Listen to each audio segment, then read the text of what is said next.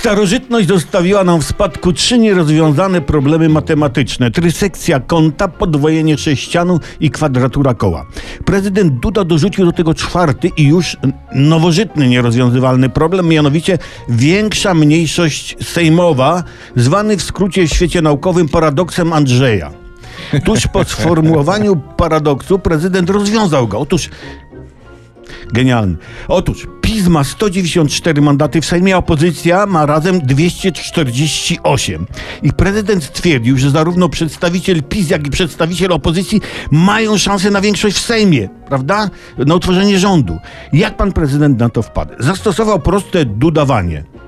Zwrócił uwagę, że jeżeli doda się cyfry w liczbie 194, 1 dodać 9 dodać 4, otrzymamy 14. Jeśli to samo dodawanie zastosujemy do liczby 248, 2 plus 4 plus 8, też otrzymamy 14. A więc równowaga, równe szanse. Poza tym do liczby 194 można ułożyć melodię, prawda? 194, a do 248, no już nie bardzo, nie brzmi, prawda?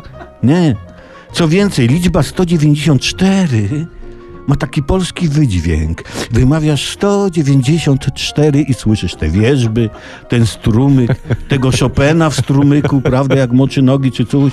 A 248, a jak mówisz, nie, to kojarzy się z Niemcami, od razu słyszysz ten tupot czołgów Wehrmachtu.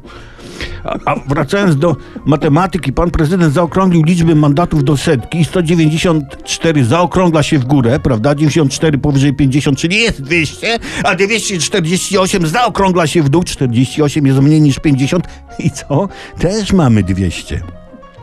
Pan prezydent zdecydowanie, Duda, zapisał się w historii matematyki. Poza tym, poza tym chodzi tu jeszcze o, o wyższą matematykę, jeszcze wyższą, o miesiąc więcej zarabiania przez swoich. I, I są to kwoty większe od 194, a nawet od 248.